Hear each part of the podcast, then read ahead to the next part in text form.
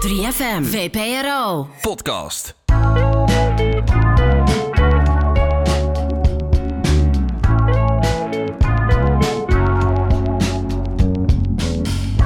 Dit is een podcast van VPRO 3 voor 12 en 3FM, waarin ik, Sagit Carter, in gesprek ga met jouw favoriete artiesten. Dit is Uncut Interviews. Welkom weer bij een nieuwe aflevering van Uncut Interviews. In deze aflevering neem ik je mee terug naar november 2020, de dag dat ik uh, King Princess sprak over haar toen net uitgekomen single Only Time Makes It Human. Die single kregen we een jaar nadat ze toen haar debuutalbum King Princess had uitgebracht. En nu zijn we twee jaar verder. We zijn in 2022. Ik had eerlijk gezegd verwacht dat we na Only Time Makes It Human snel een nieuw album zouden krijgen. Maar we wachten nog steeds. Maar dat is oké. Ze neemt haar tijd, dat is goed. Maar ik dacht, laten we toch eventjes twee jaar terug de tijd ingaan naar het moment dat zij dus toen net haar nieuwste single Only Time Makes It Human had uitgebracht. Yeah, I'm chilling. I'm really happy that this song is out. And I'm really happy that the video came with the song because I I mean, it was such uh, an amazing feat to get this video done. Like uh, 3D animation. I didn't know shit about it. Sorry, stuff about it. no, It's, you like, can say shit. You can swear all you want. That's fine. Adam. Adam. Adam was like, "Don't swear," and I was like, It's No, it's a it's fine. Here it's it's so weird. Here in the Netherlands you can swear on the radio all you want. It's perfectly fine. "So fire." Okay, so yeah, I got to do the video with my girlfriend, and like it was it was incredible to like watch like my whole body become a sim. This is like the first official release ever since your debut album, Cheap Queen. And I must say that the build up to this new song, Only Time Makes It Human, it felt like the build up to a whole new album.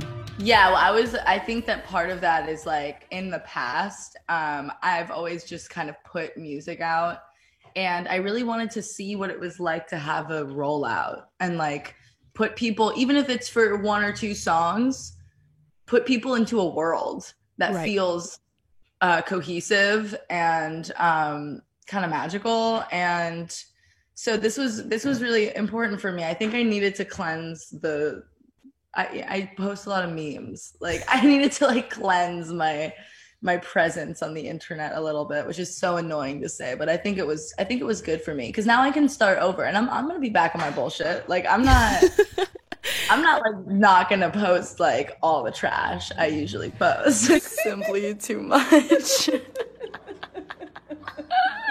a big tip.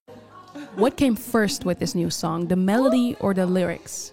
Um, this came. This was the track because I was on my laptop, um, and I so I recorded um, the guitar part in this song uh, on this guitar that I really love. It's a little. Um, it's like a custom built Jazzmaster, and I I I recorded the guitar part into my iPhone through an amp. So I like put my phone next to the amp and recorded this part, and I was like playing this part for a couple days, and I I sampled. I put it into Ableton, and I chopped it up and then I built the track around it. And i think during this time that I was making this music, I was like, I just put out my sad lesbian album. Yeah. And I was like, I really want to make some like dance tunes because I have expelled so much sadness. Now I want to make people dance and I Mhm. want to make myself dance. And also, remixes have always been like, you know, even though they're funny, like have always been my like favorite thing to do. And I thought like maybe I could apply some of that to my music. Uh-huh. So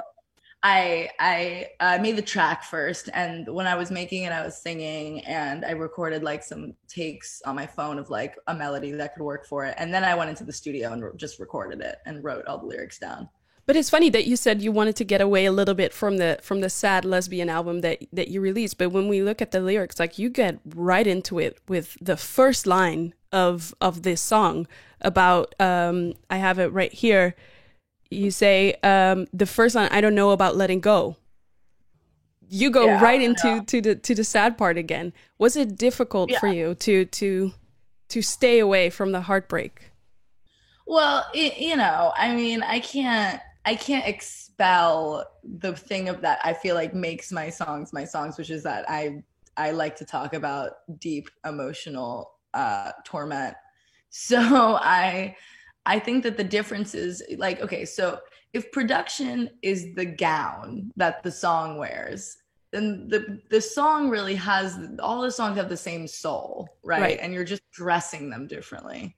So for me, I wanted to dress this song in a gown that makes people dance instead of kind of like an overly um uh ballad emotional kind of winding uh, uh soundscape like i wanted something that was punchy um so obviously the soul is always going to be the same but the production i feel like Mm. it's that kind of mixture between happiness and crying on the dance floor Right. It's just like Robyn. I always call her like the crying on the dance floor disco queen. who is the i mean like robyn is a huge inspiration for me production wise vocally like she has she comes with melodies Yeah. and and production and i love that she can be so sad and then you're just dancing and you're like why I'm in the corner, watching you kiss her. Oh, I'm right over here. Why can't you see me? Oh. Did you expect maybe this is a bit of a reach, but did you expect to be over the breakup after releasing Cheap Queen, after dedicating a whole album to the you break- this isn't necessarily about the same person. Mm, no i think that that's what's amazing about being a sad sad girl like me. Like um this isn't like nothing is the album was one thing. Like this is a different this is a different story. Oh, okay. This is a whole different breakup. well it's just a whole different story. Mm. like and i think that what i love about these these two songs is that they aren't really about specific people. They're about they're a culmination and critical thinking of how i operate Right. and make music right? Because the song is about using sadness to provoke yourself to make art. So both you know that that's what this is about. Like it's about it's kind of psychoanalyzing my myself in relationships rather than a specific relationship Exactly. And then because that kind of like intertwines with the video, because I felt like with the video, you have like the avatar you and then you have the real you as well. So I felt like we were looking at two different king princesses. Did I interpret that right? yeah so like the idea behind it uh especially like me and quinn thought a lot about it and we were like um so there has to be a sense of longing from the avatar for the real me. Mm, and she has to be kind of kept within a virtual world. And then there's this kind of barrier which is the tv screen and then i'm in there. So i do really like the concept of that she she is sad like the avatar is sad. But if you look at me in the video i'm not sad. No. so it's like it really kind of gives you this like that is the person that i play when i'm sad you know Right. So which king princess are you right now? Are you the one in the TV or are you the I'm in the avatar? You're in I'm the in TV. I'm in the TV. I, I'm I'm definitely doing good. I'm just like I I'm like the, these songs I worked on for a long time, and then um now I'm back to you know being in the studio again because there is you know eventually at some point not anytime soon going to be an album. So I want I want to like make sure that there's not like it wasn't appropriate to put music out like for the last like eight months. Yeah. Like it, I had these songs for a while, but it was really inappropriate, I thought, to put music out. right. Like between coronavirus and the BLM movement happening, like it just was like, I don't think that there's a there's a place Mhm. for this music. And th- this past month, I felt was the first time in a long time that this music could actually um like exist and have a place and make people happy but bef- prior to that like it didn't feel appropriate for me to be like okay well here's some dance Right. songs you know what i mean like so I, I know that it felt like a long time for some people but it wasn't it was it was deliberate because i don't think it's it's fair to Mhm. to put yourself over the culture of course. Yeah. you know Yeah, I thought that was very sensitive, a sensitive way of looking at it. But I, then I am wondering, in what kind of headspace are you right now when it comes to making music? Because I know after 1950, um, while making the debut album, you felt a bit of pressure because everybody was so excited about 1950 that you almost felt like you were pressured to to make something with the same sentiment. In what headspace are you right now after Cheap Queen? Um, I'm really happy that I made Cheap Queen the way I wanted to make it, and I think a lot of people uh, responded to it and still respond to it in a way that makes me super happy. Like they, I get messages and posts about songs meaning something to someone, and it, that's a, that's the job of the music, you know. So I'm very happy with that. But I think that this record is um, when I'm I'm just like beginning to work on it, but. I, I feel a lot more kind of like leveled and just the truth of the matter is like I want to write songs that people sing and want to scream and want to you know cry to and want to you know play on repeat and so I just that's what I'm doing. I'm just writing for me and allowing like my taste and my understanding of what I think is good to guide me. Right. And then you know, I think that that's what happened with 1950 is that like I just wrote something that I fucked with, and then everyone else is like, we fuck with that, and so I, I never, I can never not do that. Like I can never stop myself. I'm trying to not really listen to a lot of opinions, which is has its ups and downs. Like there's definitely you know some merit to listening to other people's opinions, but I'm trying to like really just focus on the people I'm working with yeah.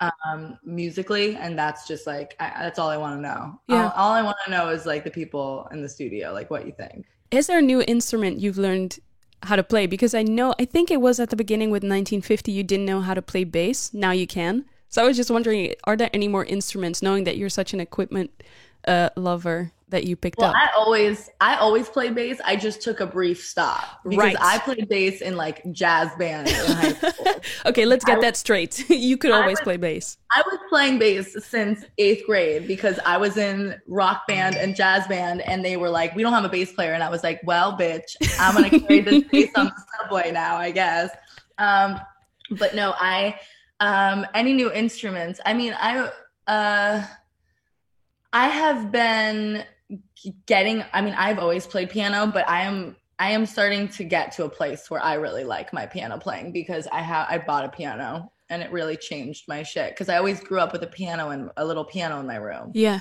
so the fact that I went three and a half years without a piano in my room, like, is blasphemous. I needed, like, I needed a piano because it's it's my favorite instrument. So I'm getting a lot better on piano. I don't know if there's any like new instruments that I've learned. I mean, unless like I were to break into some like weird shit like woodwind. Like if I were just playing like a woodwind instrument, like then it would be exciting. But I I'm just I like to fake it till I make it with a lot of stuff. I think that's the best way anyway, right? Just a lot of confidence and then you'll get there. I mean, the thing is, is that I'm an engineer and a producer, so if I can't play something right, like I can edit it, and that's just like the, that's the truth. Like you can literally make anything sound good ever. Dat was mijn interview met King Princess. Vergeet je niet te abonneren op de podcast om zo op de hoogte te blijven van alle nieuwe afleveringen. Tot volgende week. I wanna know about letting go. Got no task, be beautiful, babe. Know you told me you'd never go. 3FM. Podcast. Hallo, ik ben Nienke de la Rivebox en samen met de crew van 3 op reis ga ik op zoek naar de meest bijzondere plekken op aarde. Nou, dat was zo mooi. Wij mochten daar niet dronen, jammer, maar begrijpelijk. En opeens horen we... toek, toek, er een helikopter van James Bond. Wat is nou de meest pikante plek? Dat jullie sterren hebben gekeken. Ja. We het zo noemen. Oh, het wordt gewoon een Juice podcast. ja. dat scoort ook veel beter natuurlijk. Luister naar de koffer in met 3 op reis via de 3FM app of via je favoriete podcastplatform.